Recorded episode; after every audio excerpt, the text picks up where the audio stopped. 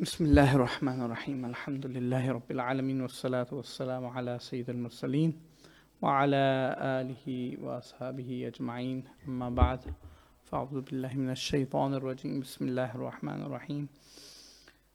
سي الحمد لله فاستف فامسا var der jo faktisk i starten af islam فو منسكة også rigtig rigtig få mennesker der sad og, og, og som Så det med, at hvem der kommer og hvor mange der kommer, det, det skal vi ikke lægge i. Fordi Allah subhanahu wa ta'ala, han fylder rækkerne. Han fylder rækkerne med malaika. Så dem Allah subhanahu wa ta'ala, han har sendt, dem har han sendt. Så alt det med, øh, med hvordan og det burde ikke, det, det er alhamdulillah. Vi skal bare gøre vores for, at, øh, at folk får, folk får beskeden. Det kan vi jo selvfølgelig alhamdulillah altid blive bedre til. Men, uh, men som sagt, alhamdulillah, dem Allah subhanahu wa ta'ala, han har valgt, at, at, at det her skal gavne dem, dem gavner det, inshallah.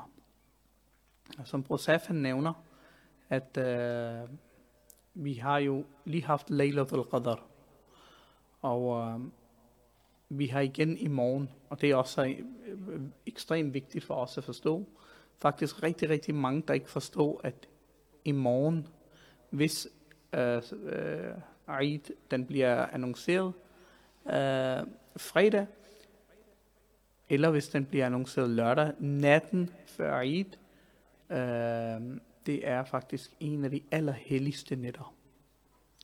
Nogen vil mene, nogle ulama nævner, at det er faktisk lige så helligt som Laylatul Qadr. Og den nat, det, den hedder Laylatul Jaiza. Det er faktisk løndagen kæmpe stor sunnah af profeten Muhammad sallallahu alaihi wasallam, at spendere natten til at tage ordentlig afsked med Ramadan. Så jeg, jeg håber inshallah, at brødrene de vil, de vil bruge deres tid på at, uh, at komme og bruge nogle timer på tilbedelse og bruge nogle timer på at, at, uh, at lave i hvert fald den intention, at den her Ramadan, det er den Ramadan, hvor jeg ændrede mig. Så hvis man gerne vil vide, om man har, om ens ramadan, den er blevet accepteret, så, så er det meget simpelt. Når ramadan er slut, kom jeg af med de dårlige vaner, jeg havde. Hvis jeg er kommet af med de dårlige vaner, jeg havde, de sønder, jeg, jeg rendte rundt med, hvis jeg er kommet af med dem efter ramadan, så har Allah subhanahu wa ta'ala, han har givet mig og fortalt mig og vise mig metoden og, og måden på, hvordan ramadan skulle spenderes. Er jeg blevet venner med folk, jeg ikke var venner med før? Er jeg, er jeg afholdt? Er jeg begyndt? Er jeg begyndt langsomt? Er, har jeg taget skridtet? Har jeg forstået mit formål? Er jeg begyndt at, hvis, hvis jeg ikke lavede min salat, er jeg begyndt? Så for jer brødre, og, og for mig selv også, det er ekstremt vigtigt, brødre, at, uh, lad Ramadan være den Ramadan, og efter det, hvor vi ikke falder tilbage. Og der kommer et, der kommer et tilbagefald. Jeg kan allerede fortælle jer nu, der kommer et tilbagefald, fordi prøv at se herovre. Og den her måned, den kommer med sådan nogle spirituelle oplevelser og velsignelser, som vi ikke, vi kan, vi kan ikke se det. Uh, men det omringer os, og det beskytter os. Lidt ligesom et æggeskal. Lige så snart der Ramadan, den Eid kommer. Allerede til Eid vil I se, hvordan den bliver løftet. Den, kommer, den tager tilbage, den her velsignelse, den tager tilbage igen. Når, når den så bliver taget væk, så er vi åbne igen for alle de her ting igen. Så shayatrin og generalerne, de bliver løsladt, og så er vi tilbage igen. Kampen, den her, den her, den her fordel, vi fik en hel måned, nu mærker vi, og folk vil mærke det. Folk vil mærke, hvordan det er som om, at det, det begynder at blive ekstremt hårdt med tingene. Så det her, man faktisk skal holde fast, og det er også det, der er nævnt, øh, at man burde faktisk faste efter Eid, ikke på selve Eid, der, der skal man ikke faste, men de næste seks dage efter Eid, burde man faste. Hvis man kan faste og være i ramadan mode, de næste seks dage efter Eid, sammenhængende, så vil Allah subhanahu wa ta'ala, han vil beskytte en resten af året. Og jeg ved godt, det er, det er en hård en. Fordi mange vender sig til, at nu kommer folk til at lægge, sjovt nok, så handler det bliver rigtig hårdt, de der seks dage. De der seks dage, det bliver følelser rigtig hårdt. Men det er det, det, det, man siger, at hvis man kan, man de nævner, hvis man kan holde den her sabr de næste seks dage efter Eid, så kommer ens år til at være rigtig god. Alhamdulillah. Så det, det er i hvert fald en måde, at, at vi, vi, kan, vi kan gøre det på. Øh, og tage med, inshallah. Så husk lige det, at lad, lad os nu lade være med inden som jahil, hvor vi, øh, jeg kan huske i hvert fald, at mange har, og I vil også se det rundt omkring, at natten før Eid, så skal folk holde alle mulige mærkelige, mærkelige, mærkelige subhanallah ritualer. Og specielt pakistanerne, de er, de er, altid, de er altid foran, når det kommer til at være mærkelige. Så desværre, øh, lad være med at falde i de der fælder. Lad være med at falde i de der fælder. Husk det, det er for shaitan, han prøver bare at tage efter ramadan fra jer. Så lad være med at falde i fælderne, at bruge den nat til at, at, at knytte bånd til Allah subhanahu wa ta'ala, øh, forny jeres løfte med Allah subhanahu wa ta'ala, og så start, start at nu, nu bliver det et anderledes liv. Det er Allah alam, hvad, om den næste ramadan den kommer. Jeg ved godt, vi siger det hvert år. Men, men jeg tror alvorligt. Allahu alam. Jeg har, jeg, jeg har bare en fornemmelse af, igen, at for nogen af os, det bliver det, det her det sidste ramadan. Så måske skal vi spendere det. Skal vi, øh, skal vi spendere det ordentligt, inshallah. Så det var sådan lidt om, om de her ting, mashallah. Jeg, øh, der, igen, der kan siges rigtig, rigtig mange ting, men jeg tror, der er ikke behov for motivation. Motivation er der, nu er det bare på tide, at vi tager steppet. At vi gør noget ved det. Ellers så er det bare de samme ting igen og igen og igen. Gør det her, gør det her. Det nytter jo ikke, hvis vi ikke tager steppet. Så inshallah, jeg vil godt lige starte uh, i dag med uh, Øh, det næste emne. øh, om Sayyidina Osman radiyallahu an. Øh, jeg skal lige ind og starte den her op igen. Bismillah. Se, mange, som handler lidt ligesom os, vi, øh, vi vil også mærke det. Vi mærker det også, at folk siger det også tit, at, at givet øh, Allah subhanahu wa ta'ala, han, han havde øh, givet os anderledes rammer. Det vil sige, givet vi, var, vi ikke var født i Danmark, givet vi var født i et muslimsk land, og givet jeg boede her, og, og hvis jeg nu var blandt øh, de her shayukh, eller åh oh, nej, hvis jeg nu, Allah subhanahu wa ta'ala, hvis jeg ikke var født blandt øh, de her mennesker i 2000, og jeg ikke levede i 2023, og jeg levede for 14-1500 år siden, og øh, jeg var sammen med profeten Muhammad sallallahu alaihi wasallam, og alle de her ting. Mange folk har den mindset, at at de føler, at de vil, de vil have haft det meget bedre. Og øh, det er i sig selv et forkert mindset, fordi det man skal huske, at Allah subhanahu wa ta'ala, han tog allerede den beslutning, inden noget som helst blev skabt. Så Allah subhanahu wa ta'ala, han vidste godt, hvem skulle, hvem skulle, han havde besluttet, hvem skulle blive født for. Og, og, og hvem skulle møde hvem. Og hvem skulle støde ind i hvilken problemer. Og hvem vil Allah subhanahu wa ta'ala sende til at ændre, ændre den måde, han tænkte på? Hvem vil Allah subhanahu wa ta'ala gøre? Det er jo det, vi tror på som, som muslimer, og at, at der er den her højere magt, Allah subhanahu wa ta'ala, der styrer alt. Fordi uden Allah subhanahu wa ta'ala, der vil være anarki, der vil være kaos. Så vi lægger ikke, vi lægger ikke de her ting op til os selv, fordi vi er svage. Vi mennesker, vi er svage. Vi ved ikke engang, hvad de fleste af os, vi ved ikke engang om, uh, om uh, vi kan ikke engang huske, hvad vi spiste for tre dage siden. Så prøv at tænke på, hvad vi er begrænset. Så når nu vi er begrænset, så har vi den tro på, at, at Allah subhanahu wa ta'ala, han er den mægtige, og han er skaberen, og han, det er ham, der kontrollerer alt. Så den kaos mange gange, der hersker i vores hoved, det er, at vi, vi, føler, at, uh, vi føler, at vi vil have gjort det bedre, hvis vi var et andet sted. Men den mindset havde subhanallah sahaba ikke. Sahaba, de var anderledes. Sahaba ikram, den serie, vi kører i øjeblikket. Sahaba ikram, øh, profeten Muhammad sallallahu alaihi wasallam ledsager. de tænkte anderledes. De blev også, det med, at mange af os, vi bliver tit demotiveret. Mange af os, vi uh, lader til shaitan, han, han kommer ind i vores tanker, vi, vi falder, vi giver bare op. Så hurtigt vi giver op.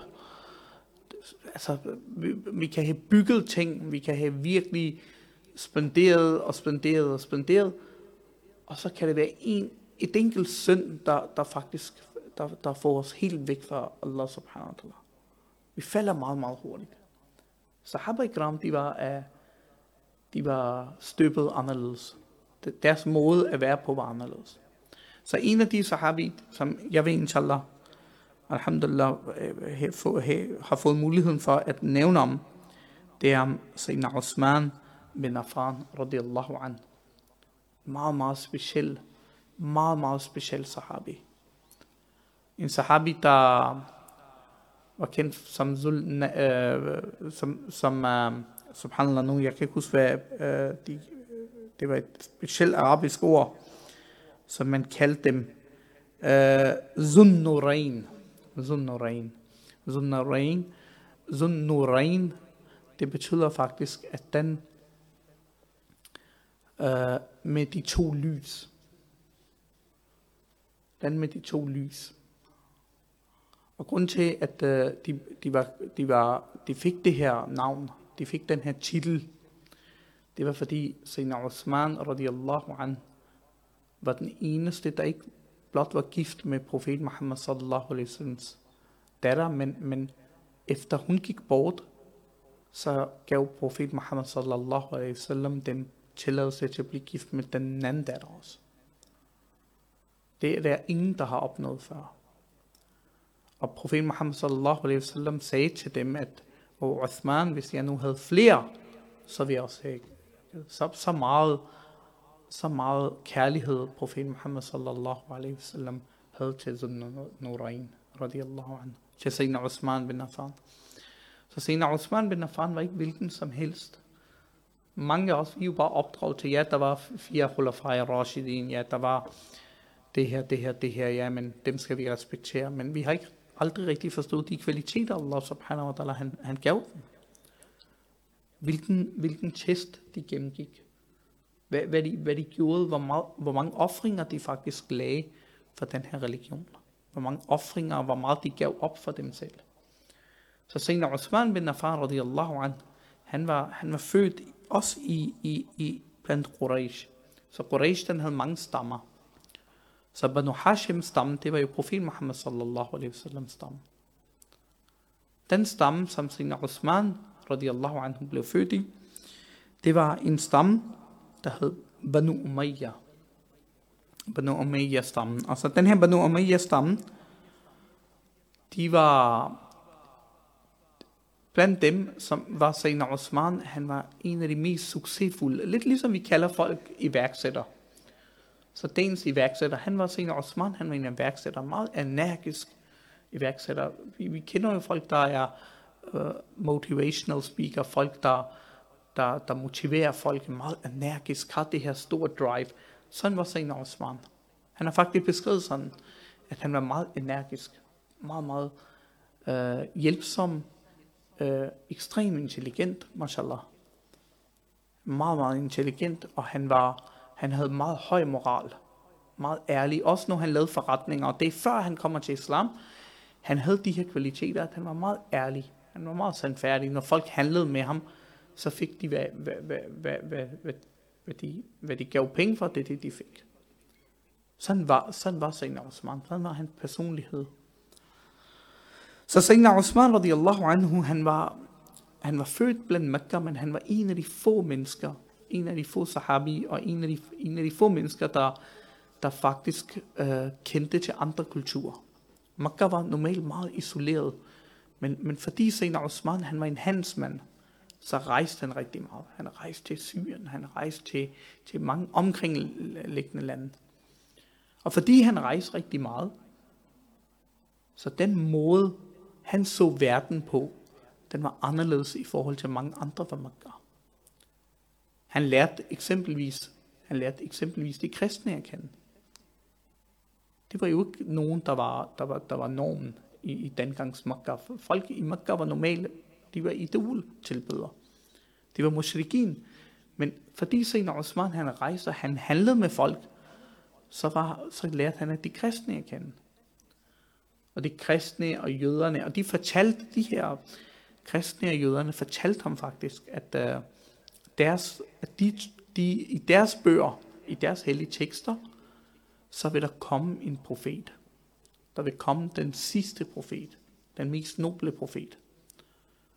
Så det her, det, det er jo noget, der stod faktisk i deres bøger. Man havde bare den tro, at jøderne havde den tro, at den sidste profet, lederen af alle profeterne, det vil være, han vil være blandt Bani Israel, fordi det var jo der, hvor mange profeter kom i og komme til. Og de kristne, de havde deres håb. Men, men subhanallah, da, da, da Sayyidina Osman radiyallahu anhu, da han så hører, at, at, at, at, at profeten Muhammad sallallahu alaihi wasallam har fået åbenbaring, og de har erklæret profetskab, og de, har, de kalder til tawhid, så var Sayyidina Osman, og han var ikke en, der var, der var firkantet. Lidt ligesom mange af os er nogle, nogle gange kan være. Han var åben for sandheden. Så han undersøgte. Så han var, han var intelligent jo, så han undersøgte, så han sagde, okay, der bliver sagt det her. Fordi Sayyidina Osman havde den karakter, han har aldrig nogensinde knælet foran en, en falsk Gud. Det havde han ikke gjort. Han havde faktisk heller ikke drukket alkohol nogensinde. Han havde allerede i forvejen de her kvaliteter. Sådan var sahaba ikram.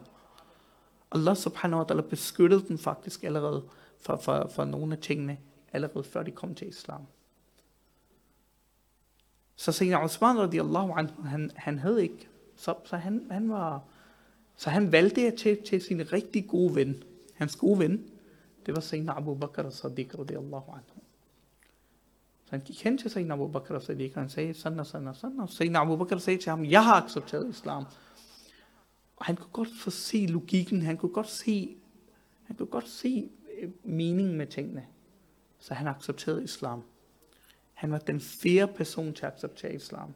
Han var fem år yngre end profet Muhammad sallallahu alaihi wasallam. Så han accepterede islam. En meget ung alder. Uh, så det han gjorde, at lige så snart han accepterede islam, så gik folk så gik folk imod ham. Prøv at tænke på, at fra Sayyidina Osman var en populær person, til at han blev upopulær. Hans egen onkel, han kidnappede Sayyidina Osman. Han låste ham, han bandt ham, han torturerede ham. Han sagde, hvordan våger du at forlade den religion, som dine forfædre har givet dig? Hvordan våger du? Og det, det de prøvede folk, det, de prøvede at få ham til at ændre sig. Det ser vi jo også mange gange i, i, i os selv at lige så snart vi tager steppet, så jeg hører jo fra, fra brødrene også mig selv, at lige så snart du tager steppet mod Allah subhanahu wa ta'ala, så er det faktisk der, hvor folk vender dig ryggen. Dine venner, de synes, du spiller for hellig. Du gider ikke komme til drikkegilderne længere. Du gider ikke lave haram med den længere. Du gider ikke, du gider ikke grine deres haram jokes længere. Nu, nu er du faktisk nu, nu er du begyndt at blive kedelig dit boykot, det kommer fra familien. Familien synes, du er blevet ekstrem. Fordi nu vil du ikke deltage i kulturelle aktiviteter med dem. Du sætter grænser. Så det, det de gør, de boykotter dig. Og det, der sker et boykot. Fordi den person, der, der, der hjemme, og, eller ude, han, han, han, han, han sætter rammerne og siger på en pæn måde, han sætter rammerne og siger, jamen prøv at høre, det er Allah subhanahu wa ta'ala's ihkam, det er Allahs lov, det er mine rammer, uden at, uden at være disrespektfuld. Fordi i islam skal vi have en høj moral, og den måde, vi skal være på, det er, at vi snakker pænt. Vi snakker altid pænt. Så den person, der sætter rammerne, hvad sker der? At folk går imod ham. Så Sayyidina Osman, han satte rammerne. Og hvad gjorde folk? Kuffar, det gik imod ham. Det gik imod ham. Så alt den, de boykotter ham via handel, de boykotter ham via det, de siger, prøv, lad være med at købe noget af Osman, lad være med at handle med Osman, Osman har forladt deres religion. Og det er det mange gange, der sker. Nu har vi nogle brødre eksempelvis, mashallah, For eksempel, øh, ja, vi har en bror, I kender ham måske, ham bror Hamza, der er ved at åbne den her bokseklub. Så han skulle købe noget udstyr. Og alle sagde til ham, at bror Hamza, bare køb med ramte. Det er nemmere for dig, det er billigere for dig. Men subhanallah, han holdt fast. Nu, han er her ikke, så jeg kan godt nævne det, inshallah, for jer. Så han holdt fast, han sagde, bror Masud, jeg vil ikke lave sorte penge, og jeg vil ikke købe noget på ramte. Min intention er, at alt skal være halal.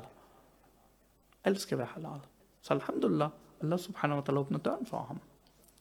Det, det viser bare af og til, at, at den der, mange gange, så kommer der den her tryk fra andre mennesker. Men Allah subhanahu wa ta'ala kender folks intention. Hvilken intention de gør tingene med. Så alhamdulillah, han, han, han, men det viser bare, jeg kender også andre brødre, mashallah. Jeg kender en bror, der sidder i lokalet. Han, han minder meget om sin Osman. Men, men, men, men, men han, hans måde at være også på er sådan.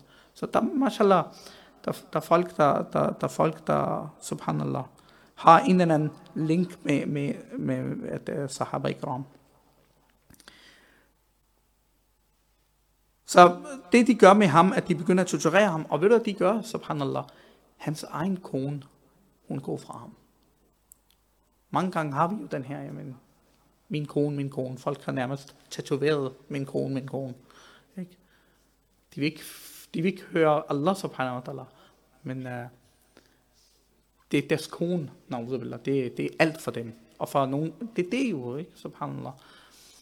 At, at, uh, at det, vi, vi, har, vi skal ikke underkaste os nogen. Vi kan underkaste os Allah subhanahu wa ta'ala. Og, og, og vi, er gode mod, vi skal være gode mod folk, fordi det, det, det, det er det, vi skal være. Men vi kan ikke gå på kompromis med det, hvad Allah subhanahu wa ta'ala har fortalt os. Så hans kone, hun forlod, forlod ham. Og ved I hvad? Han fik i stedet, han fik, blev gift med profetens datter, sallallahu alaihi wasallam. Så mange gange, så tror vi, vi mister noget, men Allah subhanahu wa ta'ala, han erstatter det. Det, det er Allahs system. Vi bliver bare testet på vores loyalitet. Hvem vi i virkeligheden er. Sande farver. Hvad, hvad, hvad, hvad vi i virkeligheden.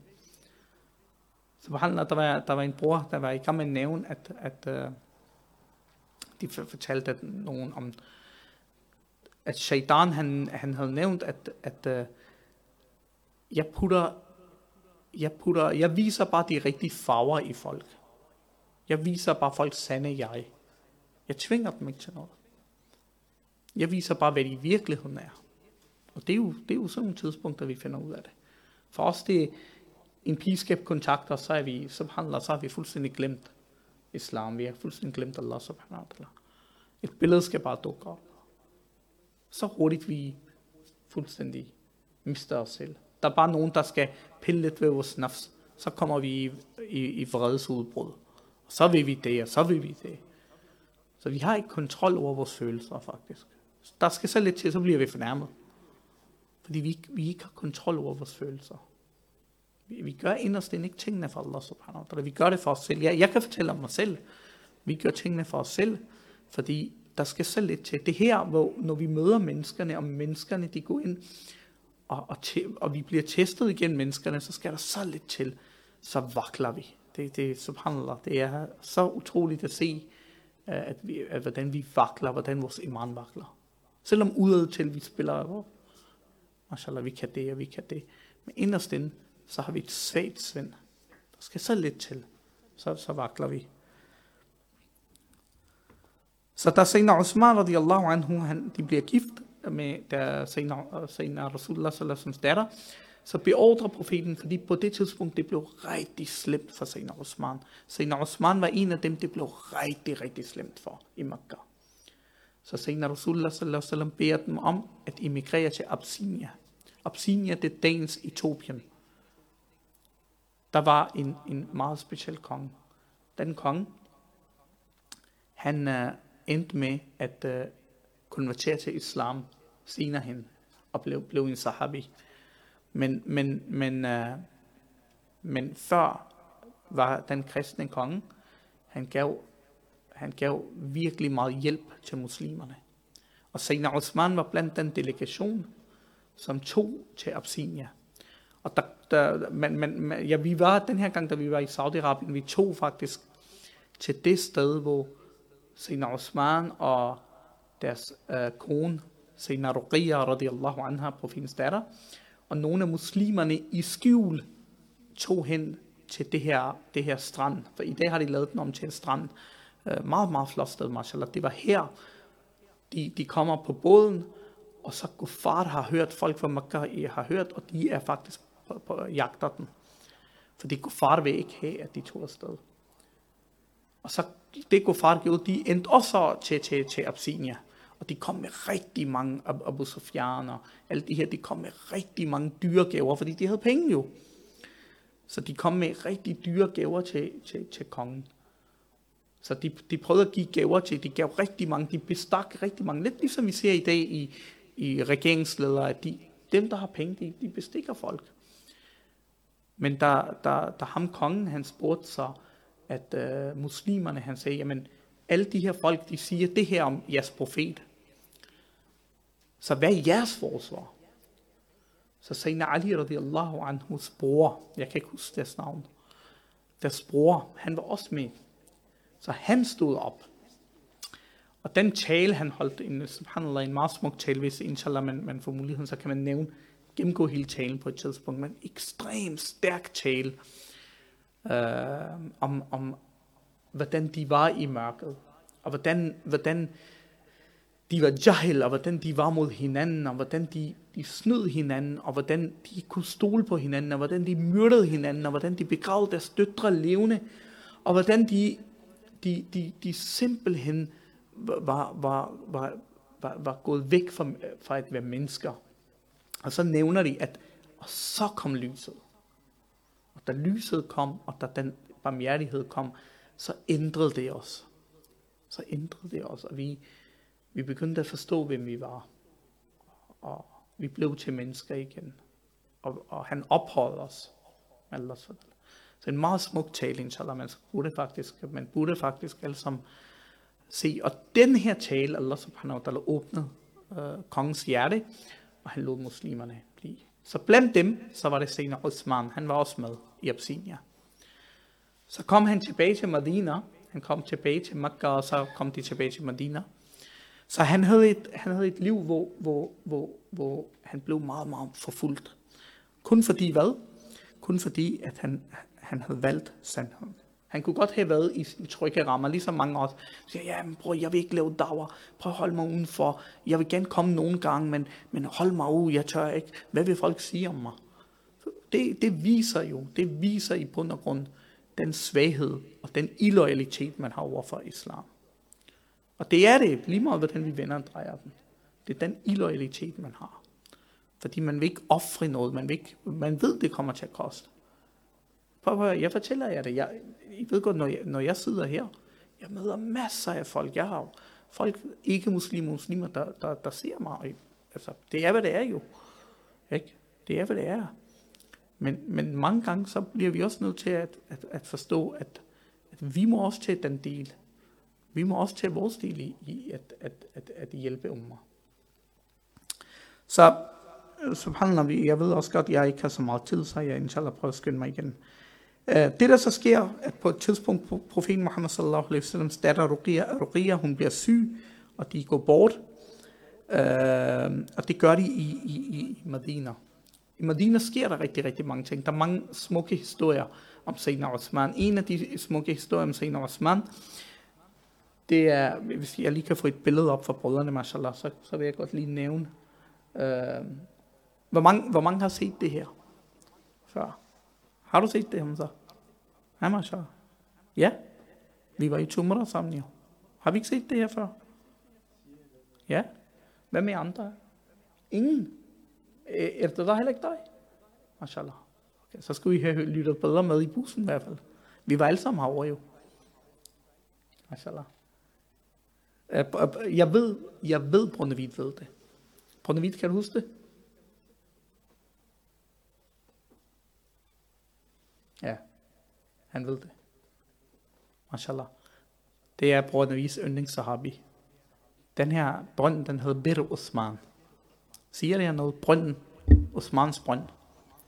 Den her brønd, det er det her tidspunkt, hvor der er meget fattigdom blandt muslimerne. Så den her brønd, den er ejet af en jøde. Så jøden, det han gør, han er lidt ligesom vi ser priserne i dag, ikke? Inflation. Han kører inflation i Medina. Så han siger, ja, okay, muslimer skal I have vand. Det kommer ikke til at koste så meget. Så de stakkels muslimer har ikke råd til vand. Så han gør hvad? Han undertrykker dem. Han kører priserne, som han selv vil. Ligesom i Pakistan. Jeg hører, at lige så snart Ramadan kommer, så de her jahil, de priserne stiger. Så de fattige mennesker, de kan ikke handle for Ramadan. Fordi de her mennesker, de her mennesker har så lidt frygt for Allah subhanahu wa ta'ala, at de skruer helt op for priserne. Okay?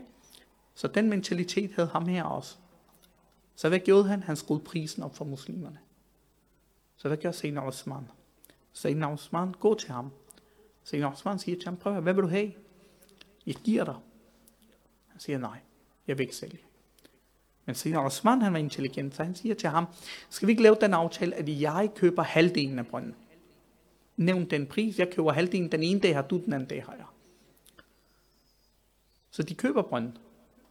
Og det, de gør, subhanallah, at den dag, de har deres tur, de siger gratis. Så muslimerne kommer, og muslimerne fylder vand på.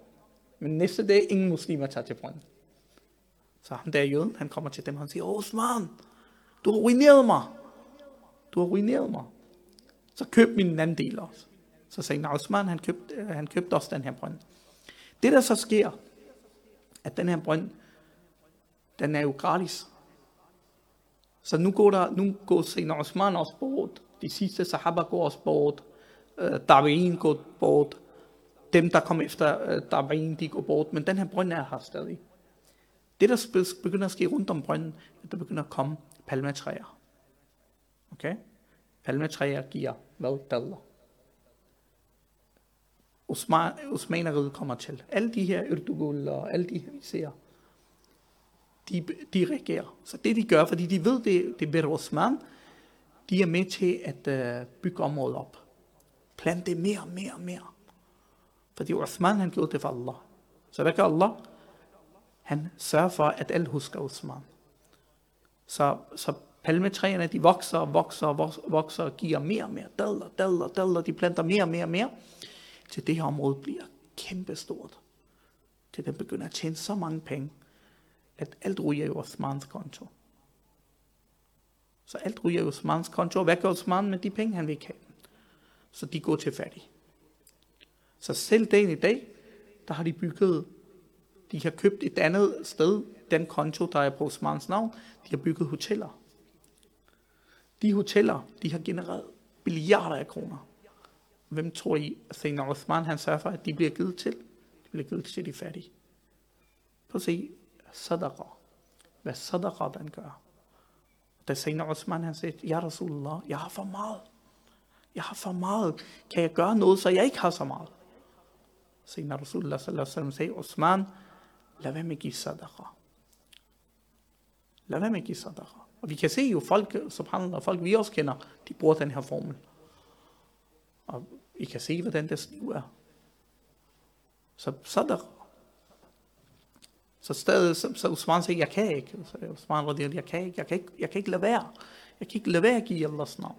Så hver gang der kom kald, så når Usman, han, han fyldte kameler med guld og guld og guld og, og sendte dem afsted. Han sagde, alt hvad jeg har, det er fra Allah.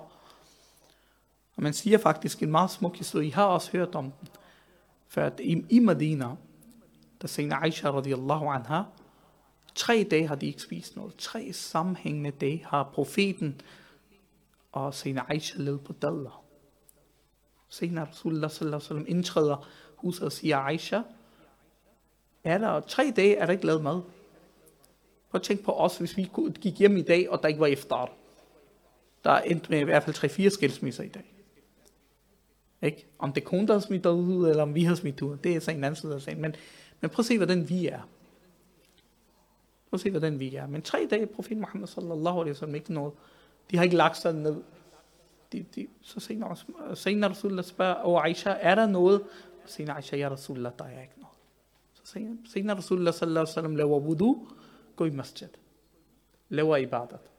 Er endnu mere taknemmelig til Allah subhanahu wa ta'ala. Og hvem sender Allah subhanahu wa ta'ala?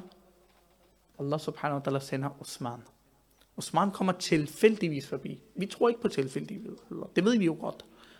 Det er derfor nogle gange, brødre, ikke? og det er meget vigtigt, at vi forstår det. Når nogen ringer til os, eller skriver til os, eller der kommer en besked, eller der er en, lige pludselig den bror, han skriver, jeg har brug for hjælp, eller et eller andet, så er den ikke fra, den er fra Allah subhanahu wa ta'ala, og den er sendt til lige præcis dig. Fordi hvorfor? Fordi Allah subhanahu wa ta'ala, han elsker dem, som han bruger, og dem bruger han til at hjælpe andre. Den her med at hjælpe andre, ikke?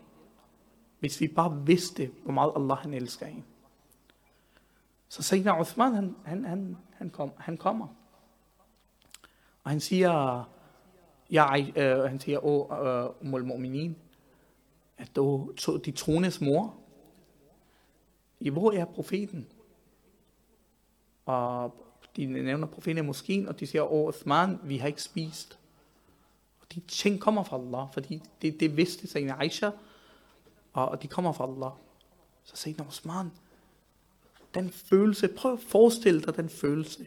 Bare tænk på, at vi sidder og tænker, at profeten ikke har spist, hvad, hvad det har gjort på os, men prøv at tænke på, hvilken følelse det gav Uthman.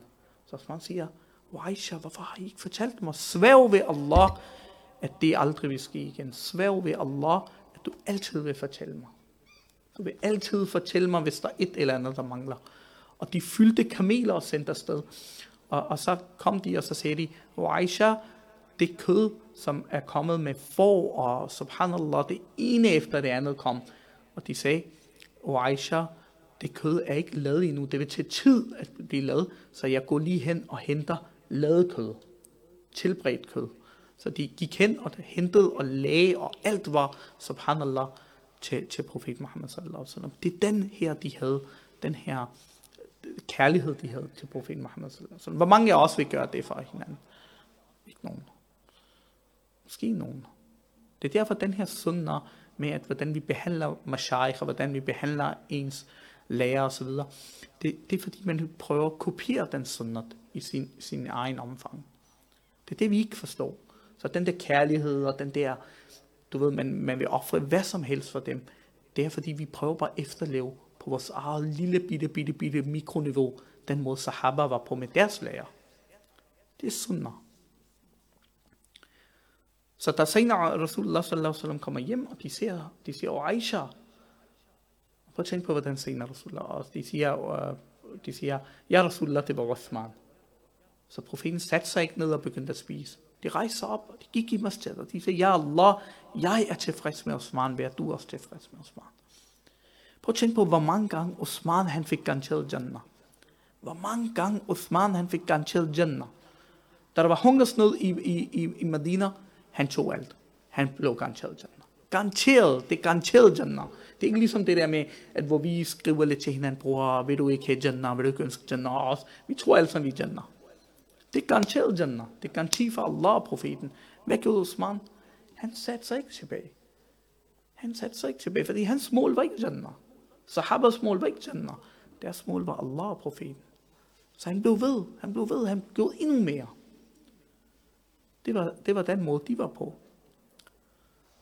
Så det, der sker med, sig, med Sayyidina Osman, det er igen, tingene, de får jo altid en ende, desværre, i den her verden, fordi den her verden er jo ikke andet end øh, uh, en, en, en prøvelse. Så Sayyidina Osman, han, efter Sayyidina Umar, så er det Sayyidina Osman, radiyallahu anhu, der, der, der, der bliver uh, Khulafai Rashidin, der bliver lederen af Umar. Uh, øh, og, og igennem ham, Allah subhanahu wa ta'ala åbner rigtig mange lande, blandt andet Rusland, Tyrkiet, uh, Persien, åbner øh, Allah subhanahu wa ta'ala igennem de her Nordafrika og Kina, mashallah. De muslimske, de kinesiske øh, muslimer, vi i dag ser, hvordan de i gamle blev behandlet. Hvis jeg lige kan få brødrene til at lige øh, sætte, ja, så I kan se det her landkort, det er der, hvor islam er Og subhanallah, mens islam er under ekspansion, så kommer der et, bekym et bekymrende brev til Sayyidina Osman, og i det brev, der bliver nævnt, O Amirul Mu'minin, den Koran, der er begyndt at, Øh, fordi man, man havde Koran, nedskrevet Koran, men den måde, det var organiseret på, det var det ikke. Så de sagde, O Amirul Mu'minin, vi er bange for, at det kan afføde, det kan afføde fitner på senere tidspunkt. Så senere Osman radiallahu anhu øh, fik en kopi af senere Hafsa radiallahu anha, der var profetens kone. De, de havde, nogle af de her, de havde øh, velsignede mennesker, de havde velbevarede kopier. Og de fik fire sahabi til at nedskrive Koranen og organisere det, som vi i dag kender det. Den Koran, vi læser, den måde, den er organiseret på, det er efter ordre af profeten Muhammad sallallahu alaihi wasallam, og det er Sayyidina Osman radiyallahu anhu, der har organiseret den her Koran. Den måde, den er organiseret på, det er Sayyidina Osman. Så hvad, hvad gjorde de? De organiserede den, og, og med den, den, der er jo mange dialekter også, som bliver læst på. Men, men den rigtige dialekt og den originale dialekt, den dialekt, den kom til Quraysh på. Så den blev sendt, den blev sendt til de forskellige steder i de, i de muslimske, øh, muslimske områder, så, så, folk, så, så der ikke, man lukkede ned for, at det, der kunne opstå noget, øh, noget, noget, noget, noget tvivl. Det der så sker, inshallah, nu er vi ved at nærme sig den aller sidste del af deres liv. Det der sker, og det sker jo i dag også, brødre. Det der sker, det var, at uh, Sayyidina Osman radiallahu anha, eller anhu, fik, uh, fik nogle fjender. Og de fjender, ved du, de, de påstod, de sagde, at Sayyidina Osman, han følger ikke den rigtige islam. Det er ligesom i dag jo. Lidt ligesom i dag, der er altid nogen, der står op, og så siger de, I kuffar. Så det er det, de anklagede Sayyidina Osman for. De sagde, du følger ikke, du følger ikke profeten Muhammed sallallahu alaihi wasallam. Nauzubillah. At den, som profeten ægtede sine to døtre til, de følger, han følger ikke islam længere. Og det samme sagde de også til Sayyidina Ali, senere hen i deres liv. De her khawarij. Khawarij er folk, de kan godt lide at kalde folk, andre folk for kuffara. De kan godt lide, de kan godt lide, at, de kan godt lide kaos. De kan godt lide at føle, at de, de ved bedst. Alle andre, de er, de har fuldstændig forladt islam. Dem kalder man khawarij. Det er et specielt, det er et specielt folkefærd. Meget, meget specielt folkefærd. I, I møder dem. I ser dem også på sociale medier tit. I vil se dem. Der ligger ikke noget her. Gå væk fra dem. I får ikke nogen gavn af dem. Så de sagde til Sina Osman, de sagde til dem, at du følger ikke islam. Og, og, og, og de sagde til dem, at du har du er gået væk fra, fra det, hvad der kilden. Så Sina Osman, han, de forsvarede sig ikke, men alle andre sahaber, de forsvarede Sina Osman, og de, de var det retskaffende, og de, de, de, de ville gå imod dem. Så det, der sker i Sina Osmans liv, øh, må Allah tilgive mig, det var Zul Hijjah, at øh, uh, Sayyidina Osman radiallahu anhu, de omringer, de omringer moskeen, hvor Sayyidina Osman er. Og de lukker ned for, at der kan komme vand eller mad ind til dem. Så i flere dage, Sayyidina Osman, de afkræfter, de siger, Sayyidina Osman, han, den, den tørke, de havde i deres mund, de kunne ikke trække vejret. De kunne simpelthen ikke trække vejret længere, fordi på grund af så meget smerte, de gik ind deres luftvej, begyndte øh, at, at så det de gjorde, de øh, uh, senere, senere Imam Ali radiyallahu anhu, senere Imam Hassan og Hussein, og alle de raskræftene, de var klar, de ville kæmpe tilbage, de ville, men, men senere Osman, og, og det er virkelig noget, vi skal tage med os. Ved grund af den fitner, så senere Osman, jeg vil ikke have blodudgydelser. Det er det mange gange, vi ser også, fordi vi arbejder sammen også. Når vi arbejder sammen, så ser vi af og til, at der opstår uenigheder. Vi ser, hvordan folk, de, de ikke er enige med hinanden, når den ene gør. Den, den, der følger profet Muhammad sallallahu alaihi wasallam, det er ham, der ikke vil se sin brødre skændes med hinanden. Det er ham, der lukker ned for fitner. Han lader den ikke opstå. Så hvem er vi i det her? Hvem er vi i det her? Det, det må vi jo så tænke på. Så det der sker, de, bliver, de, de går bort, Sayyidina Osman radiallahu anhu, og folk siger rigtig, bag uden, uden for moskeen er folk i gang med at sige de grimmeste, og de værste anklager om Sayyidina Osman. Og hvad, hvordan svarer Sayyidina Osman? Han reciterer Koran. Sayyidina Osman havde et specielt forhold til Koran, så han reciterer Koran. Og uh, der er en hadith, og, og, og det her med, at uh, det her med, at profeten havde allerede fortalt sig, Osman, de sagde, åh Osman, de her mennesker, de vil forråde dig meningsmæssigt. De her folk vil gå imod dig. Det vidste senere Osman.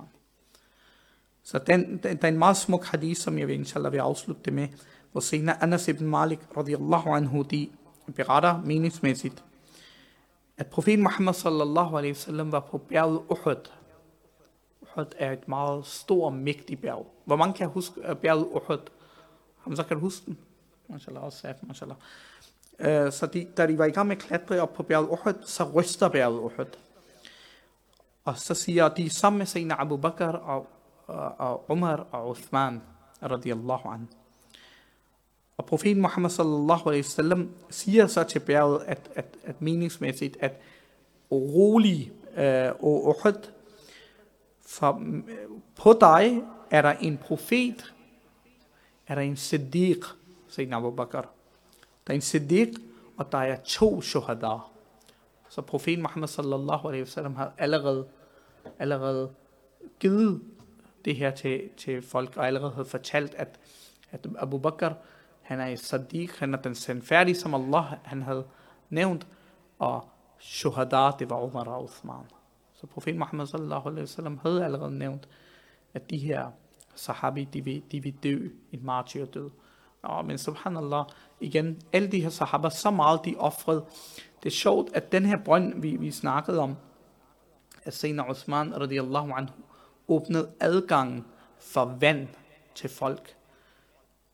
Og en af de årsager, de gik bort, det var også, at man skar adgang til vand for dem. Er det ikke sjovt? Subhanallah. At den godhed, de gjorde for folk, folk, det var de samme folk, der forrådte dem. Det var de samme folk, der afskar vand for dem. Og det fortæller i bund og grund, hvordan folk er, hvordan folk, deres måde at være på er.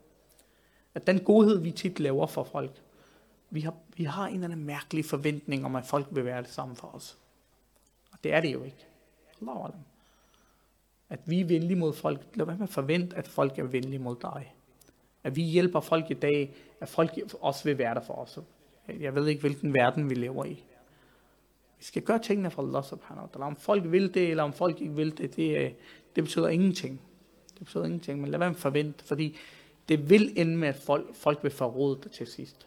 Det vil ende med, at folk vil forråde dig til sidst. Så hey, den her, sæt de forventninger op, at, at jeg forventer, at folk vil forråde mig til sidst. Så bliver du ikke skuffet i dit liv. Det er klart, sådan det var. سبحان الله وبحمده سبحانك اللهم وبحمدك أشهد أن لا إله إلا أنت أستغفرك وأتوب إليك.